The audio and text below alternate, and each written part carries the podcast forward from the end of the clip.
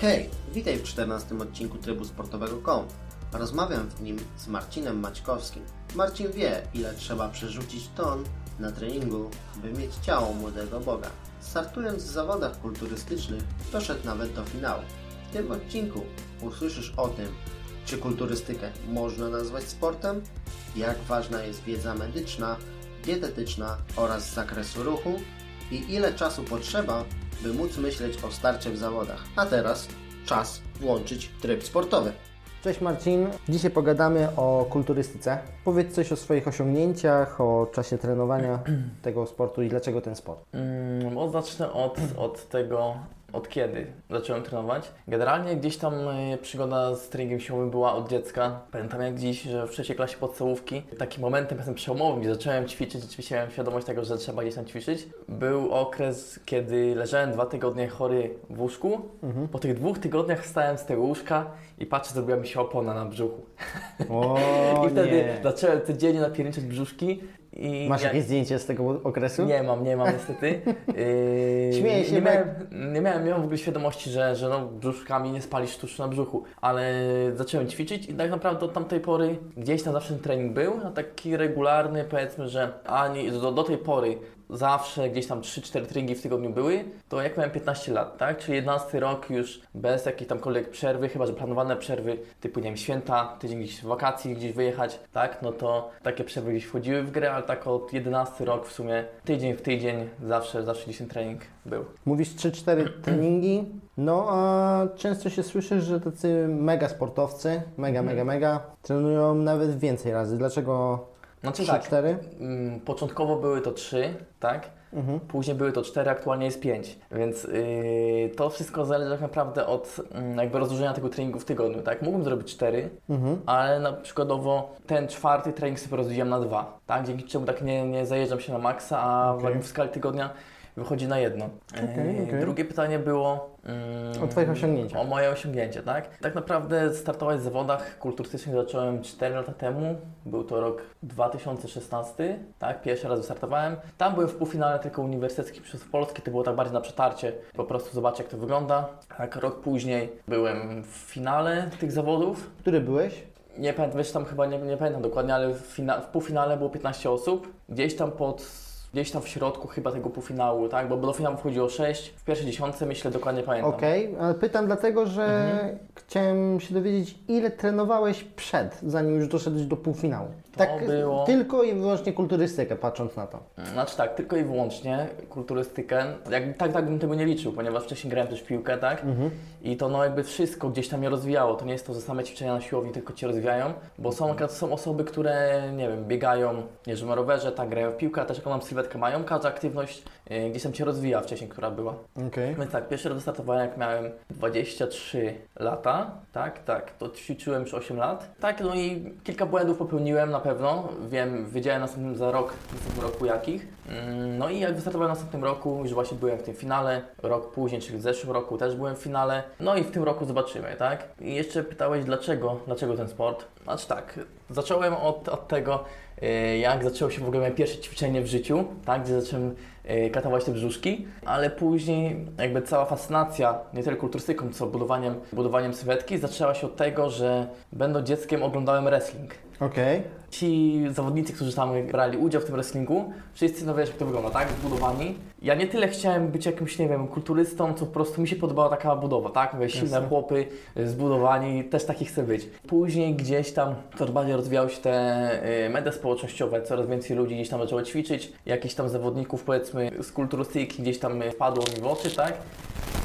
No i od tej pory gdzieś tam bardziej dążyłem już sylwetkowo, do, typowo sylwetkowo, niż po prostu, żeby być wielkim, silnym i tak dalej, tak? Taką pierwszą inspiracją, powiedzmy stricte, stricte już kulturystyczną, to był zawodnik amerykański, tak? Je- Jeff Said. Mm, pewnie osoby, osoby które, które siedzą w temacie, tak kojarzą go na pewno. Na pewno wielki człowiek.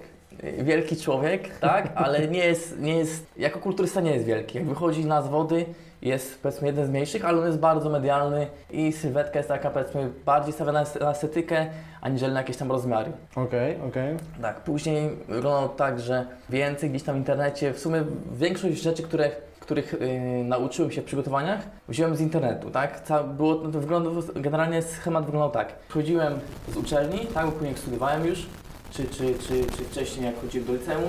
Jadłem obiad, siadałem przed kąpem i, i czytałem albo jakieś, nie wiem, metody treningowe, tak, jakieś filmy na YouTube oglądałem. Wielu polskich youtuberów właśnie z tej dziedziny kulturystyki fitness na, nagrywało merytorycznych, dużo, dużo materiałów. Potem odkryłem właśnie kanały te zagraniczne, między innymi właśnie Jeff Said, Sadik Hadzowicz też, też e, myślę, że osoby, które siedzą w temacie znają, znają tą postać. Taka bardziej, powiedzmy, celebrystyczna postać, aniżeli kulturystyczna. Zack Ainsley też nagrywał dużo filmów, dużo merytorycznych ze swoich treningów i to mnie później pchnęło gdzieś tam stricte tą kulturystykę, że, że myślałem o tym, żeby przygotować się do zawodów. Aczkolwiek taka decyzja, że dobra, startuję, była dwa miesiące przed tymi pierwszymi zawodami.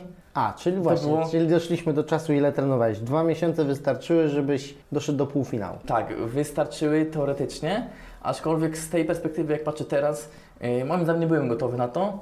Okej. Mm, Z, to z jednej strony, ale z drugiej zawsze takie doświadczenie było, wiedziałem czego nie robić, ile potrzebuję rzeczywiście czasu. Aktualnie taką redukcję mocną, stricte przygotowania do zawodów to jest 12 tygodni, aczkolwiek wcześniej, już przed tymi 12 tygodniami yy, jest jakby przygotowanie do przygotowań, czyli yy, nie jem już takiego jedzenia, nazwijmy to śmieciowego, fast foodów i tak dalej, oczyszczam trochę tą dietę i później zaczynam już liczyć kalorie, 12, 12 tygodni przed i, i później manipulacja aktywnością, kaloriami i tak to Jasne. wygląda. Mówisz o tym trenowaniu. Ile zajmuje Ci takie przygotowanie, taki reżim treningowy? Czy można w ogóle mówić o kulturystyce, że jest sportem? No bo jednak jest to taki bardziej pokaz mięśni niż realne zrobienie coś na scenie. Dobra, to rozpatrzymy to od dwóch stron. Tak, oficjalnie jest sportem, ponieważ jest zarejestrowany jako sport. Z racji tego, że z tego też powodu y, są dofinansowania w Minis- Ministerstwa Sportu, dlatego zarejestrowany jest jako sport, tak? Że Okej. Polski Związek Kulturystyki, Fitness i Trójboju Siłowego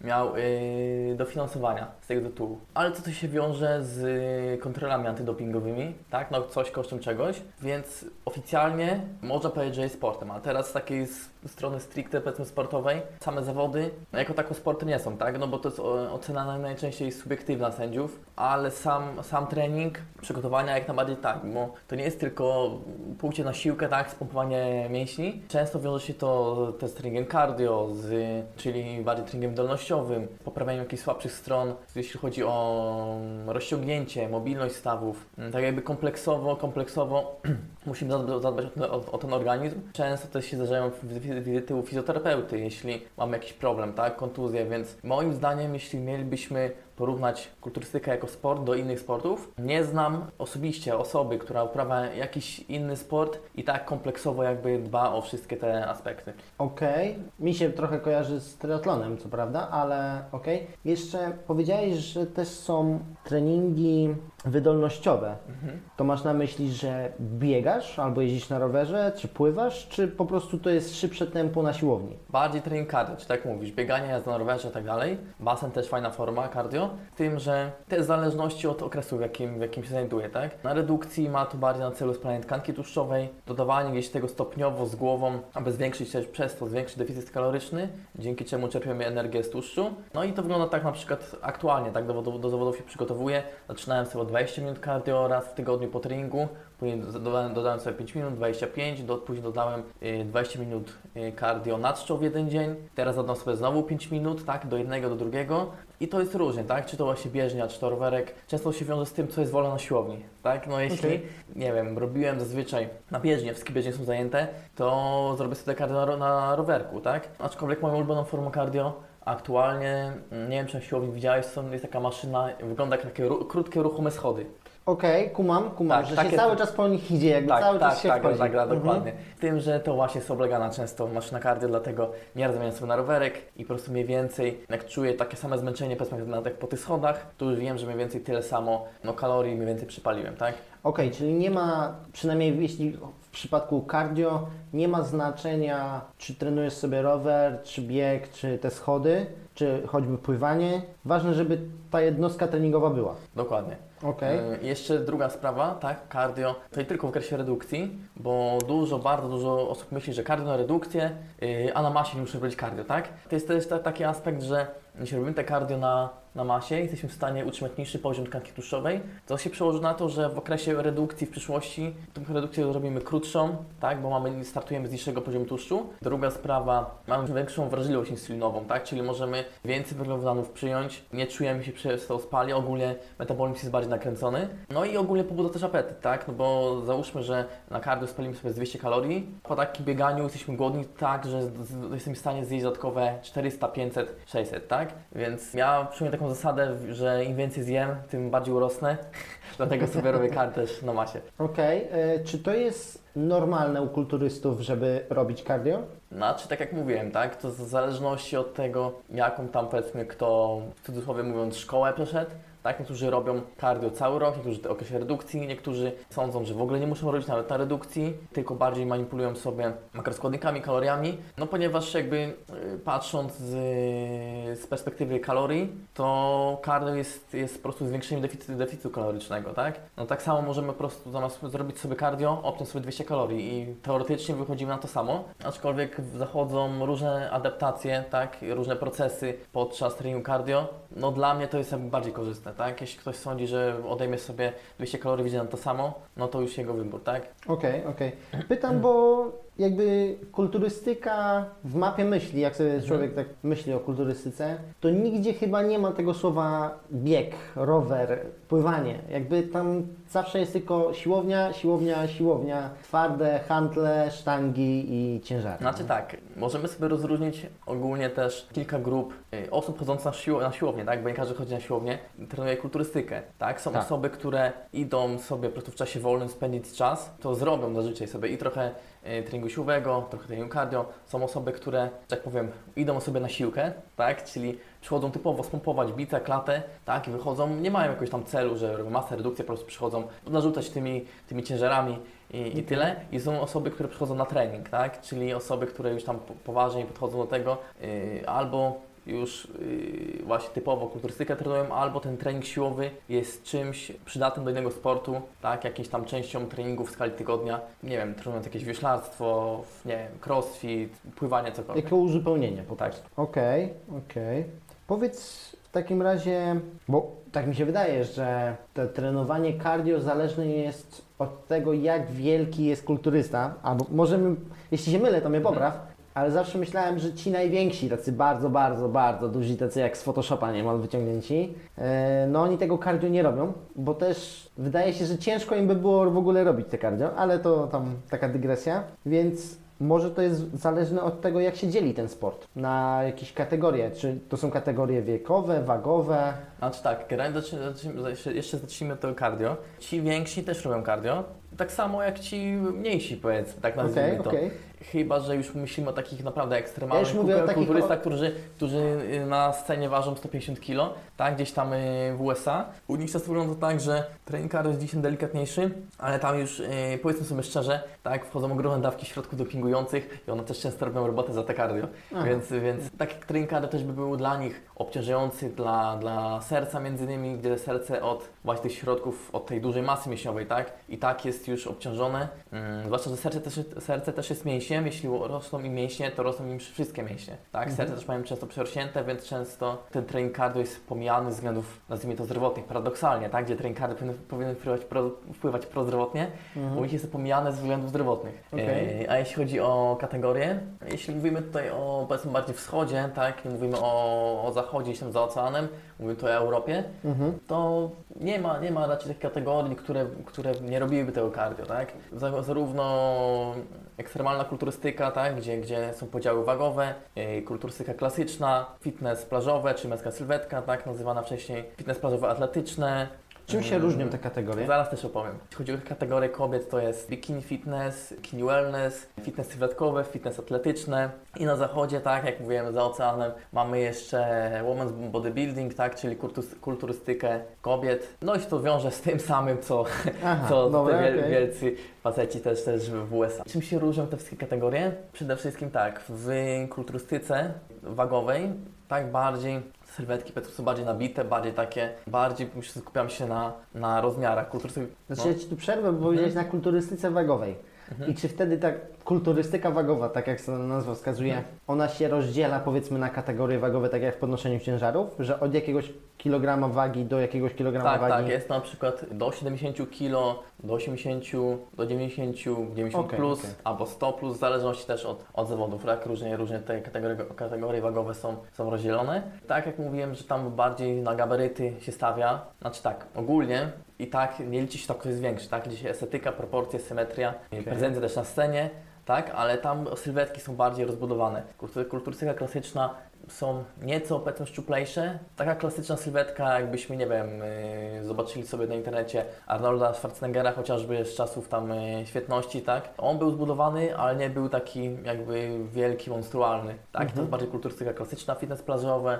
Czyli do momentu, kiedy Mhm. patrzysz na człowieka i mówisz, no to jest fajne ciało, tak bym chciał wyglądać, normalnie to wygląda jeszcze, a nie przerośnięty balon. Niestety, no tak brzydko mówiąc. Znaczy, to też jest y, ocena subiektywna, tak? Bo Aha, tak okej. naprawdę taka sylwetka, którą myślę, że każdy chciałby, jakby do każdy, każdy chciałby, chciałby dążyć, tak? To jest właśnie męska sylwetka, tak? Czy, czy nazywane również fitness plażowym, gdzie zawodnicy startują w spodenkach do kolan. Mm, oczywiście nie oznacza to, że oni tych nóg nie robią, tak? Że mają nogi zasłonięte. I to jest taka sylwetka typowo, powiedzmy, plażowa, bardziej już stawiana, stawia się na estetykę, bardziej zbierana pod uwagę prezencja na, na scenie i takie powiedzmy odnogą tego fitness plażowego jest fitness plażowe atletyczne, gdzie są też sylwetki bardziej już stawiające na estetykę, z tym, że są to większe sylwetki, tak? Więc no, było wcześniej tak, że fitness plażowe było ogólnie jedna kategoria, ale sędziowie często mieli problem, tak? Bo wyszedł chłop wielki, dobrze zbudowany, tak, ale jeszcze estetyczny, a przyszedł koleś, który jest nieco mniejszy, ale też bardzo fajnie wygląda i teraz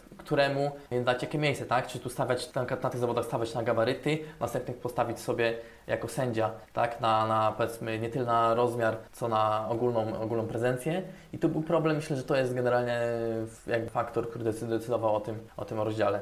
Właśnie, no to jak jesteśmy już przy sędziach, to jak oni decydują, na jakiej podstawie oni decydują, kto wygrywa? Znaczy tak, każdy ma kartkę, tak, z zawodnikami i zaczyna, zaczyna, zaczyna się ocena już w tak zwanym line-upie, tak, czyli jeszcze nie pozujemy, wszyscy zawodnicy wychodzą, tak, jest powiedzmy, y, sędzia techniczny przedstawia po kolei każdego zawodnika, sędziowie już patrzą, już, już oceniają. Ale oni jeszcze nie mają tych takich pozycji Nie, nie, nie, po prostu line-up to jest pozycja taka neutralna, w której stoisz po prostu z tyłu, jak jeśli- zawodnicy Cię prezentują i z tyłu są zawodnicy, którzy czekają, tak, i to jest ten, stoją w pozycji line-upowej tak zwanej. Okej. I już sędziowie tych z tyłu tam też oceniają, tak? Już, już od momencie wejścia na scenę już wszystkie oceniają, tak? I liczy się przede wszystkim właśnie estetyka i sylwetka. Jeśli nie pozujesz, a już patrzą Twoją sylwetkę, tak? Czy jest estetyczna, jak wygląda ogólnie, tak? Nie, No tak, nie, nie czy, czy to ładnie wygląda nawet jak nie, po, jak nie pozujesz, dokładnie. Tak, dokładnie, o to chodzi. W pozowaniu liczy się symetria, tak, czyli barki ma symetryczne, czy nie jest jeden większy, drugi mniejszy, tak, proporcje,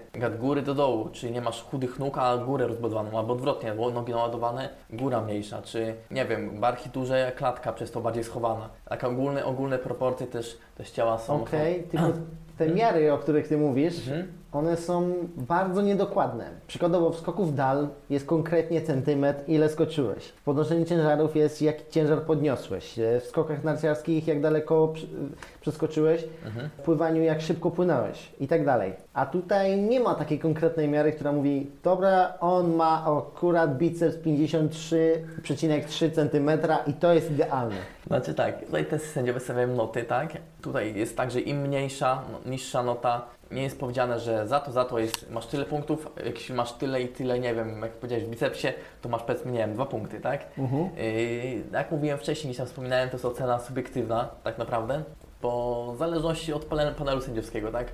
Komu to się podoba, czy wszyscy będą zgodni nawet, tak, w ocenie, bo to później wszystkie, wszystkie oceny się zbiera, tak, i się sumuje, dzieli i wychodzi ocena jakby pojedyncza dla każdego zawodnika. I ilu takich sędziów jest? O Jezu, teraz nie powiem, ale jest około 7, 8 może. Nie, tak, e, szczerze mówiąc, to będąc na tej scenie nigdy, nigdy nie skupiałem się na tym, ile jest, ilu jest sędziów, tak? Mhm. Y, Ale jest kilku ich tam jest. Zawsze Okej. jest jeden, jeden, jeden y, główny, tak? Sędzia, który, który powiedzmy tam na, na jakby najważniejsze zdanie ma. Jest sędzia techniczny, który zapowiada, wyprowadza zawodników za sceny, tak? I są reszta panelu sędziowskiego, która jakby pomaga, tak? Oceniać ogólnie temu, temu sędzi- sędziemu głównemu. E, W tych czasach mi się tak kojarzy, że takie mierzenie, jakby to dziwnie brzmi, takie ocenianie mięśni tych zawodników może rodzić konflikty. I to nawet takie ogólnoświatowe, ogólnointernetowe, że no jak to możliwe, że tamten wygrał, jak tamten lepiej wyglądał, ten na drugim czy trzecim miejscu. Mhm. I czy takie sytuacje się zdarzają w tym sporcie? Yy, Zdarzają się bardzo często, z tym, że to jest też tak, że jakby inaczej, co innego jest na zdjęciach, czy nawet na filmach, widzimy film zawodów, a całkowicie inaczej wygląda gość na, na żywo, tak? Były, były Okej. takie sytuacje, nawet jak ja byłem na zawodach, że patrzę na tym backstage'u, tak, czy tam za sceną, jak się ustawiamy i, i wychodzimy, mówię, kurde, takie chłopy wielkie, mówię, no ja ważyłem w zeszłym roku yy, 78 kg, a koło mnie stał gość, który centymetr wyższy ode mnie ważył 92, tak, czy 90. Mówię, kurde, przecież ja nie mam szans, tak? I to było I- większość mięśni, wiadomo. Tak, bo przy tym poziomie tłuszczu, jak mieliśmy tam, nie wiem, po 4-5% tłuszczu, tak, no to to nie jest 12 kg wagi, to jest 12 kg mięśni. Tak naprawdę decyduje o, o tym, jakby czy przechodzisz dalej, ogólna prezencja. Jeśli na przykład co z tego wychodzi na to, że co z tego, że on jest duży, jak nie potrafi się pokazać, tak? Wygląda, fajnie wygląda, powiedzmy, na backstage'u, a sędziowie patrzą to, co widzą na scenie, nie patrzą to, co jest na backstage'u, tak? Jeśli gość nie potrafi się ustawić, nie potrafi zapozować, to może być nie wiadomo jak rozbudowany, ale częsty błąd w pozowaniu jest taki, że osoba zamiast pokazać swoje mocne strony, a ukryte słabsze, tak? To pokazuje słabsze, bo nie umie po prostu zapozować, tak? Bo tak naprawdę Okej. kulturystyka to jest iluzja. Jeśli jeśli mamy na przykład węższe trochę barki, tak, mamy szerszą talię, to możemy, co możemy zrobić? Możemy lekko talię skręcić, cofnąć do tyłu, barki bardziej rozłożyć, wypchnąć do przodu i już wygląda, że mamy węższą talię, szersze barki. Tak naprawdę mm, możemy troszeczkę oszukać Rozumiem, że takie triki są notorycznie na stosowane. porządku dziennym. O, to, Okej, o, o to chodzi. To jest właśnie umiejętność pozowania. Sędzia nie, nie patrzy na to, jak ty wyglądasz na backstage'u, czy na co dzień, patrzy na to, jak, co widzi na scenie, tak? Jeśli No tak, po to, jest ta, po to jest ta opcja pozowania, żebyś pokazał to najlepsze, co masz. Tak. Okej, dobra, rozumiem. A jak wygląda sytuacja kobiet w tym sporcie? No właśnie, mówiłem o podziale, mówiłem. Tak, I czym się teraz różnią wszystkie kategorie, mogę powiedzieć znowu. okej. Tak, bikini fitness, powiedzmy to jest takie, To jest znowu ten ładny wygląd, tak? tak, to jest taka bardziej, bardziej znowu taka no, sylwetka typowo powiedzmy fitnessowa. Powiedzmy, że ta fitness plażowe to jest takie męska, męskie bikini. Okej, Powiedzmy, jasne, tak? jasne. Bikini wellness to jest również, powiedzmy, również sylwetka jeszcze taka estetyczna, tak, szczupła, tym, że nie stawiać tak na, na y, niski poziom tłuszczu. Te rozmiary są trochę, trochę większe, trochę powiedzmy bardziej rozbudowane nogi, pośladki. Nie tak, nie tak bardzo odtłuszczona sylwetka. Fitness sylwetkowe już bardziej powiedzmy, już bardziej się patrzy na muskulaturę, tak, a Okej. fitness, bikini, fitness atletyczne, no to już powiedzmy tak samo jak z męską sylwetką, jest męska sylwetka i męska sylwetka atletyczna, tak samo tutaj mamy fitness sylwetkowe i fitness sylwetkowe, nie, fitness atletyczne, tak, to Okej. są jeszcze bardziej rozbud- rozbudowane sylwetki. Teraz takie bardzo proste Mhm. pytanie dla ludzi, którzy totalnie nie znają kulturystyki, tak jak ja.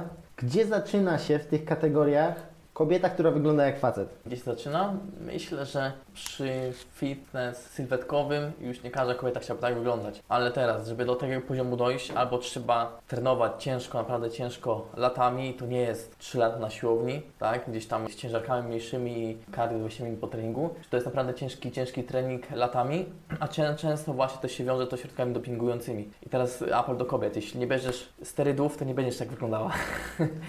I to jest tyle. Okej.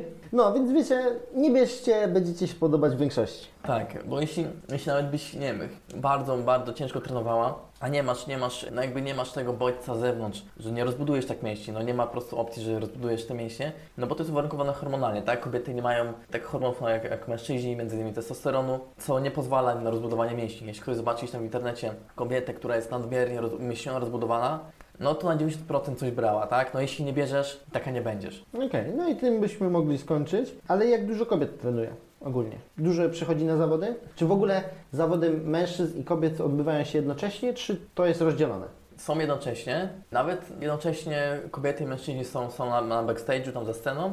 Tym, że bardzo często podzielone jest na, na powiedzmy, jednego zawodu są dwa dni. Jednego są same fitnessy, tak, czyli fitness plażowe, fitness plażowe atletyczne, te bikini fitness wszystkie, a drugiego dnia jest, jest kulturystyka i te bardziej, bardziej rozbudowane sylwetki, tak. Okej. I jeśli czy jest dużo, Tak. czy dużo jest kobiet? Znaczy tak, ma bardziej oblegane, oblegane kategorie to są właśnie te estetyczne, tak? Czyli w męs, jeśli chodzi o, o męskie kategorie, to jest fitness plażowe, tak? A jeśli chodzi o, o damskie, no to bikini fitness, bo to jest jakby sylwetka, którą no nie jest trudno zrobić tak naprawdę. I to jest sylwetka, która podoba się większości osób. To jest taka Idzie sylwetka, takie- którą można dać na okładkę gazety. Tak, dokładnie. I to jest sylwetka, sylwetka, którą myślę, że 90% kobiet chciałaby osiągnąć, tak? Okej. Które, które chodzą na siłownię. I dlatego, dlatego no, te kategorie są, są najbardziej, najbardziej oblegane. Mamy sytuację kobiet, mamy sytuację mężczyzn. Ogólnie, jak ten sport działa w Polsce? Jak się rozwija? Czy ma szansę się jeszcze bardziej rozwijać? Czy on już teraz jest duży? No tak, w przeciągu ostatnich 4-5 lat rozwijał się naprawdę bardzo, bardzo dobrze, bardzo mocno się rozwinął i rozwija się jeszcze, jeszcze coraz bardziej i bardziej i bardziej. To też widać po ilości zawodników na, na zawodach, tak? Chociażby w lutym, pod koniec lutego są debiuty kulturystyczne co roku i coraz więcej zawodników startuje, tak? Kiedyś było tak, że w kategorii jednej było powiedzmy 20 kilku zawodników, tak? Aktualnie pojedziesz na takie zawody, jest 50, tak? W kategorii. Widać ile osób, ile osób bardziej już myśli o, bardziej o sporcie, niż, aniżeli o tylko o jakimś tam, powiedzmy, chodzeniu, chodzeniu sobie na siłownię rekreacyjnie. Na jakiej podstawie to się tak rozwija? Przede wszystkim przez media, społeczno- media społecznościowe. Zobaczmy to sobie teraz, ile jest profili, jakiś tam, nie wiem, y, Fit Ala, Fit Jessica, Fit y, Gosia, wszystkie dziewczyny Jasne, Fit, jasne. tak? One, y, powiedzmy, swoją, swoją postawą gdzieś tam Motywują innych. Motyw, motywują po części, znaczy motywują, czy to, że wrzuci, rzuci zdjęcie tyłka gołego, no to mnie do, nie, motywuje do niczego, tak? prawda. Yy, raczej myślę, że tu bardziej chodzi o to, że one bardziej stwarzają kompleksy kobietom, które tak nie wyglądają i one chcą wyglądać tak samo i to jest bardziej... bardziej Okej, negatywna bardziej, motywacja, Taka okej, negatywna okej. motywacja, tak? I to samo jest u mężczyzn, tak? Widać, że ktoś wchodzi sobie na Instagrama, widzi, że wow, wszyscy są zbudowani. Ja też muszę, tak? Jest bardziej takie kult sylwetki, kult y, estetycznej sylwetki, jakby taki powiedzmy poniekąd wyścig szczurów, nazwijmy to, tak? Że kto wygląda lepiej, kto, kto wrzuci lepsze zdjęcie na Instagrama czy Facebooka, kto ma więcej tam, y, nazwijmy to, followersów, lajków, tak dalej, ten tak naprawdę bardziej istnieje w sieci. Jeśli jest jeszcze trenerem, ma więcej klientów, to, to przechodzi na bezpośrednio na, na ilość zarobionych pieniędzy, tak? Więc to jest tak, no często bardzo ten kult sylwetki jest wywołany bardziej aspektem biznesowym. Okej, tak. Tak. płytko patrząc po Tak. prostu tylko i wyłącznie. Okej, okej, to mamy Instagramy, mamy to jak to wygląda, mamy jaki jest styl życia. Czy to właśnie, te takie płytkie podejście na Instagramie przeradza się też na taką, nazwijmy to, wojnę na scenie pomiędzy kulturystami już na backstage'u, typu, że każdy na każdego patrzy i traktuje jak wroga, czy raczej jesteście na zasadzie, nie no fajnie, no, on też trenuje super fajnie, okej, każdy chce wygrać, to jest normalne, Mhm. ale po zawodach wszyscy sobie przybijają piątkę Dobra, i... teraz powiem Ci, jak to wygląda na backstage'u. Jest różnica, jeśli chodzi, o, jeśli chodzi o kobiety, o mężczyzn i ogólnie o, o kategorie. Okej, Na przykład w ciągu roku, jeśli gdzieś tam sobie trenuję, rzucam coś na media społecznościowe, często jest tak, że widzimy siebie nawzajem, tak, z innymi zawodnikami, nieraz siebie gdzieś tam oznaczymy na relacji, mamy jakiś kontakt. Yy, Zdarza się tak, że niektórzy trenują ze sobą? Nieraz można się, jeśli, tak, jeśli bym się zgadał z jakimś y, zawodnikiem z, mojej kategorii na trening, na pewno by nie odmówił. I bardzo często jest tak, że widzimy się, na, przykład na żywo nie gadaliśmy, znamy się, nazwijmy to z Instagrama, gdzieś tam pogadaliśmy, kilka zdań zmieniliśmy, przychodzę na ten backstage, o siema, siema, zbijasz pionę z połową ludzi i jest bardzo pozytywna taka atmosfera, jeśli chodzi o, o męską sylwetkę, tak, o moją kategorię. Brzmi fajnie. Super, atmosfera jest naprawdę super backstage'u, taka powiedzmy rodzinna bardzo, tak, Mhm. że no wszyscy się znają, nikt, nikt sobie na złość jakby tam nie robi, jeszcze jak ktoś pytałem, słuchaj, a jak trenujesz, a jak tego, a co robiłeś, jak, jak ładowałeś się teraz przed tymi zawodami. Gadamy sobie często o patentach, yy, jakie robimy sobie przed startem, powiedzmy ostatni tydzień, dwa, ogólnie gdzieś tam o, o treningu, o diecie i tak dalej. Mm. Wymiana doświadczeń. Tak, przede wszystkim wymiana doświadczeń, czy, czy nawet na luzie gadamy gdzieś tam sobie o głupotach, tak? Jeśli chodzi o kulturystykę, zdarzają mi się z moich obserwacji takie sytuacje, ale często jest to takie bardziej, bardziej z takim spokojem, tak? Mhm. A ci z męskiej sylwetki to często są takie właśnie, ta- takie, tak, tacy wariaci, tak? Bardziej, bardziej trochę tacy cele- celebryci instagramowi. A jeśli chodzi o kobiety, no to wiesz jakie są kobiety, tak? Patrzą na siebie spod byka i jedna drugiej na chętniej by nóż, nóż w plecy wbiła. A jeszcze jak takie same bikini założyła? O No. nie. Ja innego przykład nie widziałem, nie widziałem, żeby dziewczyny tak gadały, tak miały takie dobre relacje ze sobą, jak, jak faceci na, na tym backstage'u, tak? Nawet jeśli kojarzy siebie, kojarzą siebie gdzieś tam z Instagrama, tak? No to patrzą, ty, to jest ta, jak ja jej nie lubię, tak? Ja Takie, taki mam wzrok, jakby, jakby, Okej. jakby, nie wiem, była jej wrogiem, tak? I to jest różnica właśnie między kobietami i mężczyznami. Myślę, że nie tylko w sporcie, ogólnie tak jest, tak? że faceci mają takie bardziej przyjazne relacje ze sobą, a kobiety, jeśli chodzi też o, o jakąś tam rywalizację, o cokolwiek, to bardziej, bardziej wchodzą w taki sposób. Mi sukienki tej samej nie jest znikąd. Tak, dokładnie. E, Okej, a jak to wygląda na scenie? Mm. Jak już wychodzicie, no już jesteście oczywiście rywalami, to No. jest jasne, ale rozumiem, że później po całym starcie tak schodzicie i znowu sobie przybijacie piątki i No tyle. tak, to nie jest, to jest tak, że, że tu, nie wiem, gadamy sobie na, na backstage'u przed wyjściem, a po wyjściu już jesteśmy obrażeni na siebie, jesteśmy wrogami, bo nie wiem, bo przegrałem, tak? Właśnie. I teraz e, ja wrócę w sumie do tematu sędziów i ich decyzji, bo okej, wy możecie wszyscy być kumplami dla siebie super i, i to jest całkowicie okej, ale co jeśli faktycznie ta osoba z trzeciego miejsca uważa, że powinna być pierwsza? Wtedy to już wydaje się, że to powinno robić, rodzić konflikt, tylko czy wtedy ten zawodnik jest zły na zawodnika innego, czy bardziej na sędziów samych w sobie? No bo to oni decydują, a nie zawodnik. Zawodnika nie ma pretensji, tak, do tego, który wygrał, no bo to jest, on no, pokazał się z jak, jak, jak najlepszej strony, zrobił swoją robotę, tak, przygotował się jak najlepiej potrafił, ja zrobiłem to samo i nie mogę mieć do niego pretensji, tak, to, no, to już jest ocena sędziów, a sędziowie są tacy, że oni zawsze jakoś to argumentują, zawsze jakoś racjonalizują swój, swoją decyzję. Nawet powiem przykład z zeszłych zawodów, jak byłem w maju, Dawaj, dawaj, dawaj. Yy, Była dziewczyna, która nie dostała się do finału, a uważała, że wygląda dobrze. Wygląda, wyglądała dobrze, ale moim zdaniem też nie, wygląda, nie, wyglądała na tyle dobrze, żeby wejść do tego finału. I po półfinale podeszła do sędziów i się pyta, dlaczego, dlaczego nie weszłam do, do półfinału? A sędzia tak cicho nagle się zrobiło, bo wszyscy słuchali co ona gada, a sędzia powiedział, no popatrz na siebie. Mówi, du, dupa ulana, mówi do niej, tu, tu jakieś boczki ci wiszą. No nie, nie, nie było opcji po prostu, nie, nie, nie, mogłem się do, do, do finału dopuścić, nie?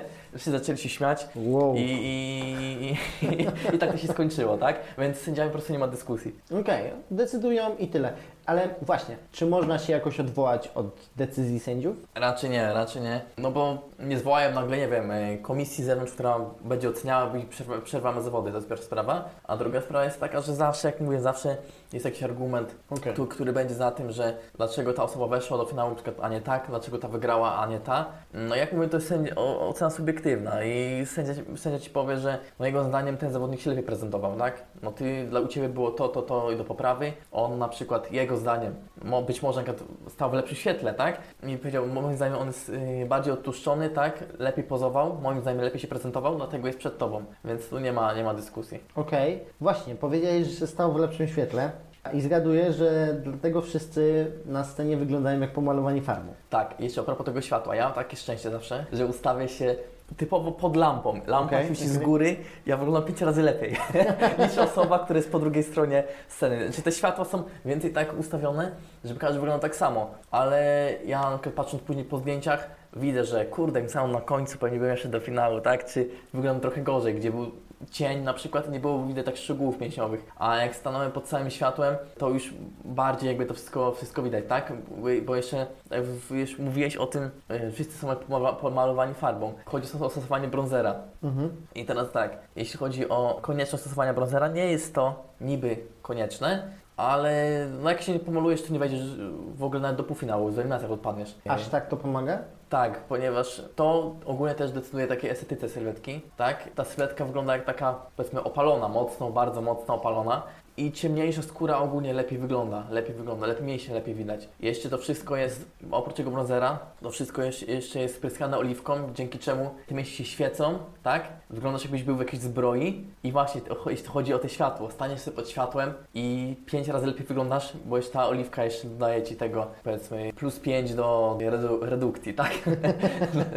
Okej, właśnie. Ja jeszcze tu podrążę trochę temat. Możesz się ustawić gdzie chcesz na scenie, jak wychodzisz, czy, znaczy, rozumiem, że jest jakaś konkretna linia, tak? Jakieś Mhm. konkretne pole, ale czy możesz sobie wybrać mniej więcej? Że zrobić sobie krok do przodu, krok do tyłu, popatrzysz na to światło, czy ono pada dobrze tu, czy tam jest jakby... tak, jest, jest linia wyznaczona, na której stoją zawodnicy i najczęściej jest tak, że jak wcześniej przed wyjściem rozdajemy nam numerki, tak, bo każdy zawodnik ma swój numerek Mhm. i wychodzimy według numerków, więc no jak jest, no załóżmy 34, 35, 36, 37, ja miałam 38, to sobie na końcu nie mogę się ustawić na początku, tak? Okej, Z tym, okej. że później po pierwszych pozowaniach jest zmiana kolejności, na przykład mnie za- zamieniają z ostatnim, tam ze środka z tym powiedzmy drugim, trochę Właśnie, po- żeby zobaczyć pod innym światłem, tak? tak, Czy... to, nie, to pierwsza sprawa, poniekąd tak, a głównie chodzi też o to, że porównać mnie z innym zawodnikiem bezpośrednio, obok, którego będę stał. Okej, czyli wiesz, że jeśli Cię postawili obok 17, a Ty masz 34, to że gdzieś tam pomiędzy Wami sędziowie decydują, który wygląda lepiej, tak? Czy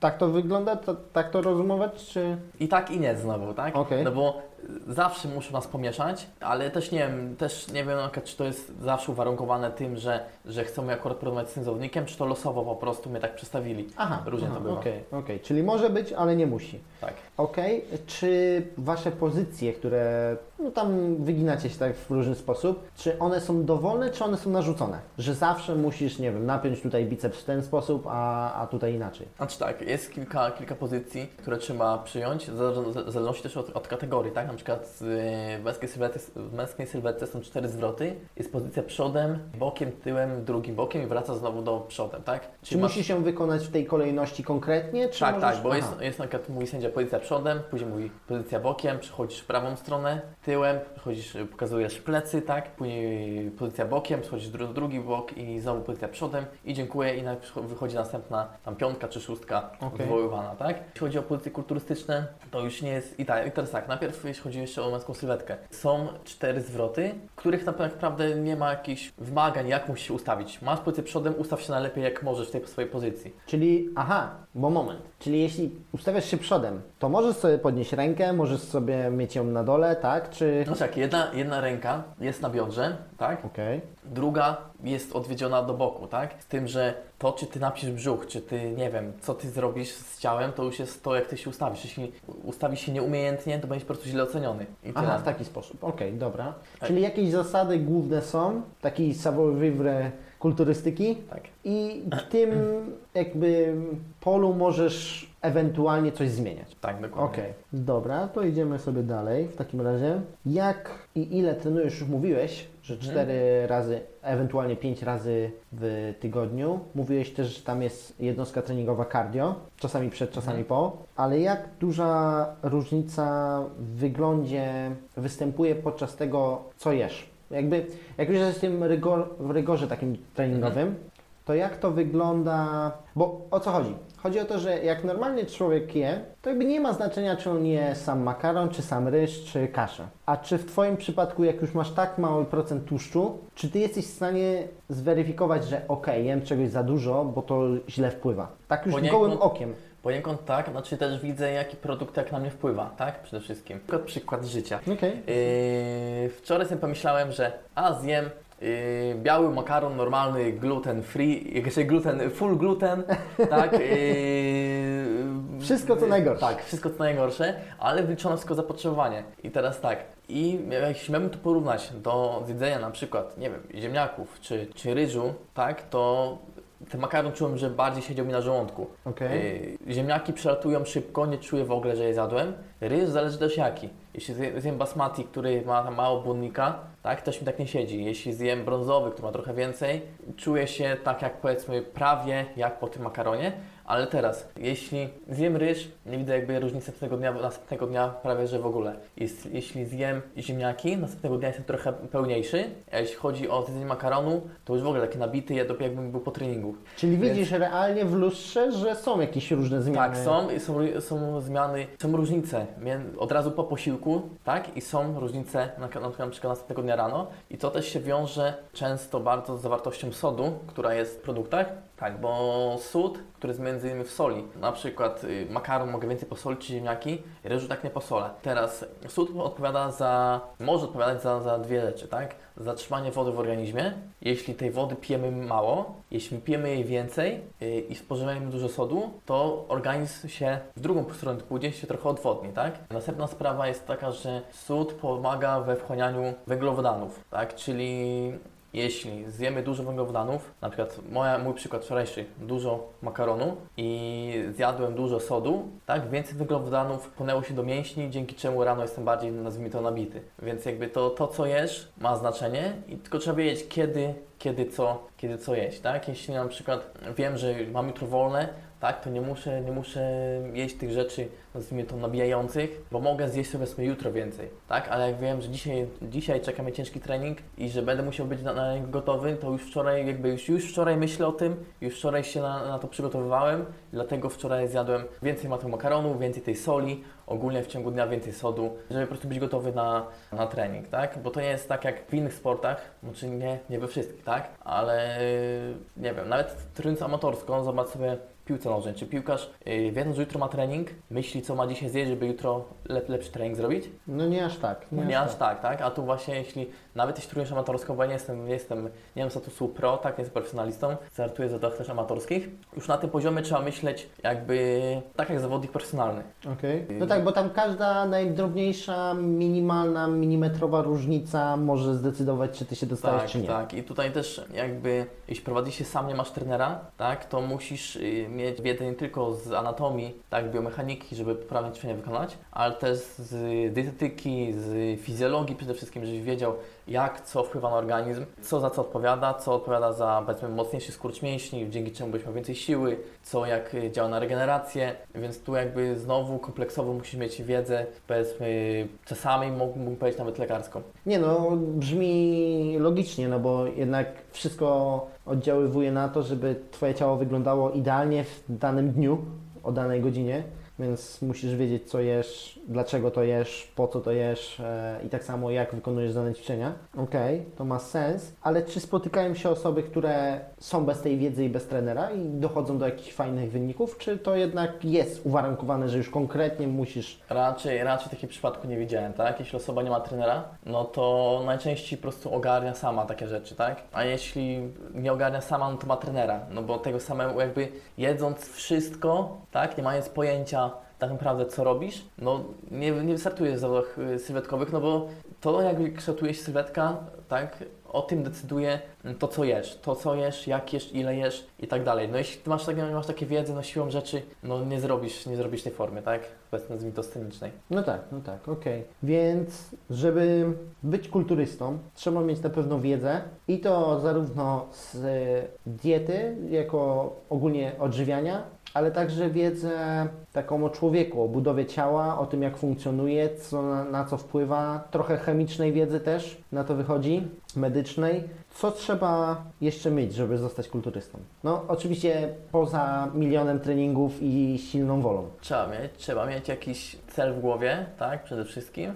Trzeba być czasem asertywnym, bo też wiesz, co na Ciebie wpływa dobrze, co, co wpływa źle. W momencie, gdy przygotowujesz się do zawodów, ktoś mi proponuje imprezę grubą, to ja wiem, że muszę odmówić, tak? W trakcie, powiedzmy, takim masowym, poza, poza przygotowaniami, no niekoniecznie musisz odmawiać, tak? Okay. Ale na, na przykład, jeśli następny dzień masz wolny, ok, nawet możesz sobie grubie na tę imprezę pójść, to nic, nic się nie stanie, tak? Jakieś tam mity, że alkohol, nie wiem, pali mięśnie, wypala, wyżera, zżera, to jest mit, tak? Jedyny minus jest taki, że następnego dnia nie będziesz miał siły zrobić treningu, tak, tak jak powinieneś zrobić, czyli minimum takie, takiego, jak miałeś tydzień wcześniej, tak, bo zawsze no, ten trening, który zrobisz, musi, musi być taki minimum jak tydzień wcześniej, żebyś jakoś tam rozwijał. Bardzo często bywa też tak, że nie masz siły nawet nic zjeść, a jak nie dostarczysz yy, do pożywienia, to się nie zregenerujesz. No tak, tak, samochód bez paliwa nie pojedzie tak. też. Także musisz być czasami po prostu, tak mówię, asertywny. Musisz umieć, umieć trzeźwo myśleć, tak? Musisz wiedzieć, co dla Ciebie dobre, co jest dla Ciebie złe. Zwłaszcza jak nie masz trenera, no to sam musisz siebie kontrolować, sam musisz być swoim szefem. Jeśli masz trenera, on Ci powie, nie możesz i się słuchasz. A jeśli nie masz, to musisz mieć jakieś tam samozaparcie, sam musisz siebie pod tym względem kontrolować. Bo często jest tak, że osoba jak robi coś tylko dla siebie, tak, bez jakiegoś tam opieki trenera, mówi, a to tam nic się nie stanie, bo nikt mnie nie opieprzy, tak? A pójdę tam, nic się nie stanie. No i później następnego dnia, powiedzmy raz się upieczę, powiem, o, wstałem rano, nie jest tak źle, tak? Trening zrobię, tam mam siłę wszystko zjeść, nie jest tak źle. I pójdzie sobie za tydzień, znowu to samo, mówi, nie, nie jest źle, dwa tygodnie na przykład ma, nie wiem, dwie imprezy w tygodniu, mówi, kurde, poszedłem dwa tygodnie pod rząd, nic nie było, pójdę sobie znowu. Znowu mówi, no w sumie nie było tak źle, no jakoś tam przytrzymałem to wszystko, co miałem zrobić, jest ok. A na przykład w czwartym tygodniu już widać, że no, ciężary, które podnosisz spadają. Na przykład wyciskałeś, załóżmy, 100 kg na 8 powtórzeń, widzisz po 4 tygodniach wyciskasz na 6. Mówisz, no kurde, coś jest nie tak. A może słabszy dzień. Pójdziesz na imprezę za tydzień, wyciskasz później już na 5. I widzisz, jakby to z biegiem czasu widać, że coś się dzieje nie tak, że jednak ten tryb życia wpływa na to, na to jak organizm funkcjonuje, tak? Jakie ma zdolności wysiłkowe, Okay. jak ogólnie to wpływa, wpływa na organizm. Tutaj zrobiłem przerwę w nagraniu, ponieważ jeden z mikrofonów padł. W dalszej części nagrania mój głos będzie cichszy, jako że działał tylko jeden. Wracamy do odcinka. Powiedziałeś o tym, jak trzeba trenować, ile trzeba trenować, jaką mieć wiedzę, ale gdybyśmy założyli taki przypadek, że jest sobie osoba, która trenuje dosyć dobrze na siłowni, dobrze się z tym czuje, dobrze wygląda, w miarę dobrze je, to jakby pomyślała, żeby wystartować, tak, bez jakiejś tam konkretnej wiedzy, czy, czy to by było dobre podejście? Znaczy tak, jak jedziesz na zawody, przed samymi zawodami jest takie coś jak weryfikacja, tak? Gdzie cię mierzą, ważą i też wizualnie oceniają, oceniają Twoją formę. Jeśli nie jesteś dostatecznie odtłuszczony, tak? Bo o to tam też chodzi, że mięśnie były widoczne, to mogą powiedzieć Ci, że nie prezentujesz takiej formy sportowej, na którą, której poziom jest tutaj wymagany i po prostu Ci podziękują zwyczajnie. Po prostu z mostu Yy, Tak, powiedzą, że, nie że, no, że nie jesteś gotowy po prostu na zawody i tutaj chodzi o to, że to jest też uciążliwe często dla, dla sędziów, dla samych zawodników. Bo załóżmy, że startowałoby 16 zawodników, Mhm, tak? Do półfinału dostaje się 15. okej. A mimo to, że no gość wiadomo, że on odpadnie, to ten, trzeba zrobić te eliminacje, tak, żeby wyłonić półfinał. A jeśli na nie dopuszczą zawodnika, to od razu jest półfinał. Okej. Też często o to chodzi, pierwsza sprawa. A druga sprawa, osoba, która ćwiczy tak o, rekreacyjnie powiedzmy, jakby nie będzie prezentowała też tej formy z racji tego, że często nie ma świadomości, co jakby, jak to ma ogólnie wyglądać, tak? Bo najczęstszym takim, takim powiedzmy taką proporcją wymaganą jest wąska talia, szerokie barki i naprawdę te barki trzeba sobie, te priorytety na barki trzeba nastawić sobie minimum, nie wiem, wzrok, dwa, poważnie podejść do tego, żeby te barki rozwinąć, katować te barki powiedzmy z rok czy z dwa lata, żeby one rzeczywiście były aż takie powiedzmy nienaturalnie rozrośnięte, o to tam chodzi, tak? Ludzie też przychodzą na zawody, przychodzą na zawody kibice i, i ogólnie publiczność, przychodzą oglądać, no umówmy się, freaków, tak? Coś, czego nie widzą na co dzień, tak? Sylwetki przerośnięte muszą być, wielkie, wyżołowani wszyscy, mocno docięci, tak, odtłuszczeni i o to chodzi w tych zawodach, tak? To jest taki trochę pokaz takich freaków i o to, o to chodzi. Jeśli gość przychodzi taki po prostu fajnie wygląda, okej, na plaży wygląda fajnie, lepiej niż koledzy, którzy siedzą przed telewizorem, ale nie ma tu ekstremy, nie ma czegoś takiego wow, no to jednak to albo będzie ostatni, albo go nie dopuszczą po prostu. Okej, okej. Nie, no to, to w sumie jest dobre podejście, no bo przepraszam, ale no jeśli tutaj masz 15 koksów, którzy naprawdę wyglądają no jak bogowie, a ty przychodzisz, no bo mogłoby dojść do takiej sytuacji, żebyś przyszedł z grubym, piwnym brzuchem i a proszę mnie dopuścić, dlaczego mnie panowie nie dopuszczają? No to by był absurd jakiś w ogóle, żeby ta osoba stanęła obok nich, więc okej. Ale czy bo też powiedziałeś o, okej, jest dużo tych e, różnych kategorii, ale co w sytuacji właśnie, kiedy, inaczej, czy może się zdarzyć taka sytuacja, że ktoś jest mały, chudy, ale faktycznie ma te mięśnie, też dobrze wygląda, a obok niego, tak jak ty mówiłeś, że na przykład ktoś o wadze 60 stoi z kimś o wadze 90 obok. Znaczy to na, są kategorie często wagowe, tak? Czyli jak są, wa- nawet jeśli są wagowe, są wzrostowe, to też chodzi o kulturystykę samą, tak? No to we wzrostowej też są limity wagowe, czyli na- jest na przykład końcówka wzrostu plus 6 kg. Więc osoba powiedzmy, jak jest do 1,80 m i dwie osoby mają 1,80 m, jeden waży 80 kg, to drugi może, ma, może maksymalnie 86. Chyba, że jest właśnie męska sylwetka, gdzie są tylko wzrostowe, nie ma limitu wagowego, tak? To tam... Tam, tam możesz Tak, coś tak, zrobić. tak. To tutaj y, właśnie mój przykład, że ja ważyłem 78, a gość obok mnie ważył 90 czy 92. Ale też to nie jest powiedziane, że on, znaczy on był wtedy chyba dwa miejsca przede mną, tak? A tylko dwa miejsca, a ile, ile kilogramów y, był cięższy. To nie pierwsza sprawa. Od razu z, Nie, ogólnie, automatu, mo- że ten przegra. Tak, dokładnie. Może być tak, jak mówiłem, że prezentacja na scenie, pierwsza sprawa. Druga sprawa, mm, ogólnie wygląd sylwetką. Może być y, duży, ale może być takim, nazwijmy to y, kolokwialnie, klamotem, tak? Stanie taki kloc. To, że jest duży, to naprawdę nic nie znaczy, tak? A jeśli osoba mniejsza ma, powiedzmy, y, wąski pas, wąską talię, rozbudowane szerokie plecy, kuliste barki, to on wygląda lepiej, mimo że jest lżejszy. Okej, Okej. Czyli tak z marszu raczej byś nie polecał przyjścia na zawody. No raczej. Nawet jeśli ktoś wygląda dobrze. Chyba, że to jest właśnie na zasadzie, okej, s- jakoś tam zrobiłem co w mojej mocy i widzę, że jestem wrzeźbiony, tak, ale nie jestem jakiś, jakiś tam wielki, ale chcę zobaczyć jak to jest i na przykład za rok, za dwa przygotuję się mocniej i żebym wiedział już jak to, jak to będzie wyglądało. No to okej, tak w ten sposób można. Jeśli, Trochę jak twoja droga. tak, właśnie o, to, o tym mówię. A jeśli jednorazowo chcę po prostu wyjść i później zobaczyć, a to nie dla mnie i tak przegram, jadę z myślą i tak przegram, no to, no to, to, to nie ma sensu w ogóle. Właśnie. O, to też poruszyłeś ciekawy wątek, którego absolutnie nie miałem w pytaniach, ale w sumie jest mega intrygujący. Jakby u was ciężko jest myśleć, że jedziesz wygrać, bo tam nie ma, nie ma tak jak właściwie w innych sportach, że jesteś lepszy w czymś. Ty już to, co miałeś zrobić, już zrobiłeś. Dziękuję, dobranoc, już, już koniec. Jeśli ktoś przetrenował więcej niż ty i wygląda lepiej niż ty, to już nie masz na to żadnego wpływu w ogóle. Masz rację, zgodzę się z Tobą. Z tym, że każdy zawodnik tak naprawdę jedzie formą naprawdę ekstremalną, tak? Gdzie mają, mówię, mają po 4-5% tłuszczu. Ja nawet w zeszłym roku, jak robiłem pomiary analizy do ciała, nie wiem na ile to było, na ile to było rzetelne, tak? Miałem 3%. Więc sylwetka była mocno, mocno tłuszczona. I zawsze jak jedziesz, jedziesz na te zawody, to masz taką myśl, ale zajebiście wyglądam. Tak, że kurde, na pewno, na, Okej, na pewno dobra. będzie, na pewno, nie, nie wiesz kto tam pojedzie, tak? No są listy startujących, ale może ktoś się zgłosi i nie przyjedzie. A może, nie wiem, wyjdzie w gorszej formie, a może coś mu nie wyjdzie, tak? Może pozowanie spieprzy. To, że wygląda fajnie na Instagramie, tak?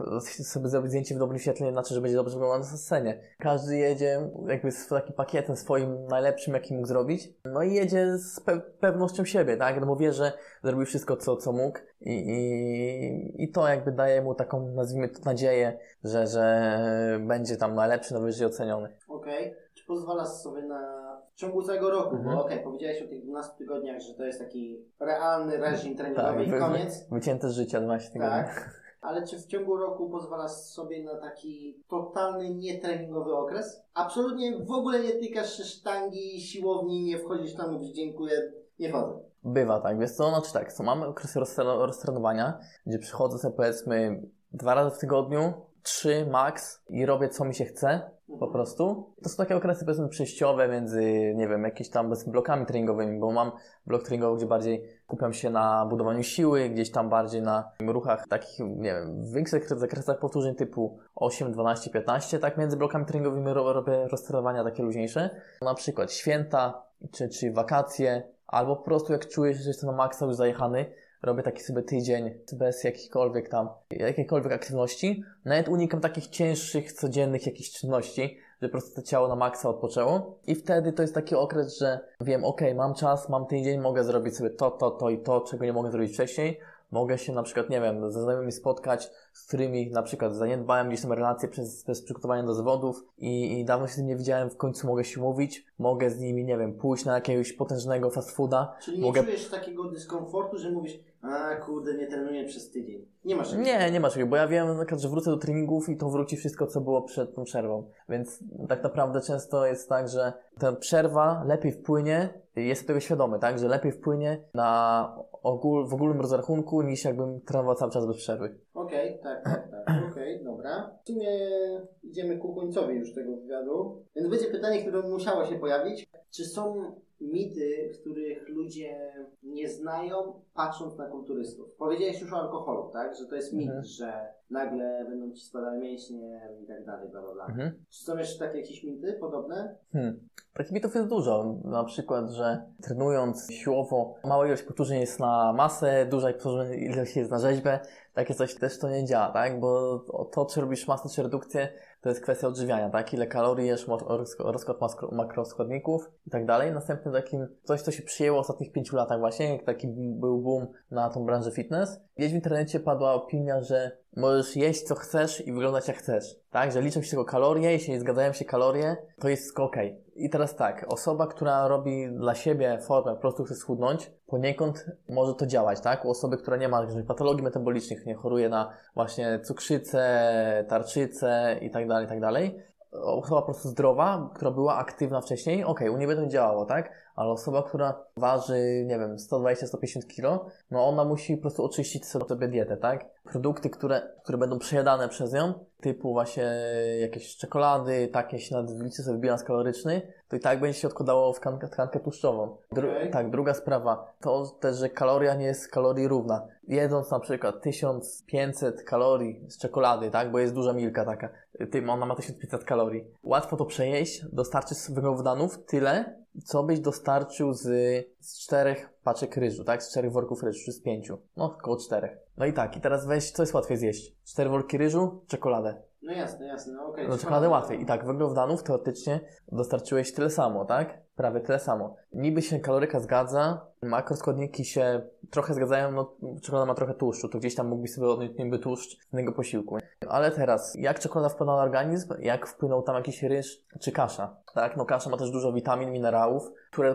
dodatkowo pomogą Ci w regeneracji, a czekolada co ma? No nie, nic nie ma, tylko ten cukier Ci dała, tak? Więc pod względem kalorycznym zjadłeś tyle samo, ale pod względem funkcjonalnym, jak to działa Ci w orga- w organizmie, no to ta jakby kasza ma przewagę, bo ona oprócz kalorii daje Ci rów- również szereg innych tam korzyści. Okej, dobra, dobra. Co tu jeszcze takich mitów większych? Ale właśnie, ja bym się Mhm. zatrzymał w sumie jeszcze przy... Kalor- kaloryce, no. Kaloryce. No. Bo okej, wiadomo jest, że żeby schudnąć musisz faktycznie jeść mniej niż spalasz. Tylko właśnie, czy to jest aż tak istotne? Dla zwykłego, przeciętnego człowieka, który sobie przeciętnie powiedzmy trenuje 2-3 razy w tygodniu, czy to ma aż tak istotny związek, żeby jeść dobrze też makroskładnikowo? Czy jednak wystarczy ta zasada tylko limitu kalorii? Mhm. Znaczy jedno się też wiąże z drugim, tak? No bo jeśli, jakby tak, 1 gram białka to są 4 kalorie, 1 gram węglowodanów to są 4 kalorie, 1 gram tłuszczu to jest 9 kalorii, tak? 1 gram alkoholu to 7. I teraz tak, Ym,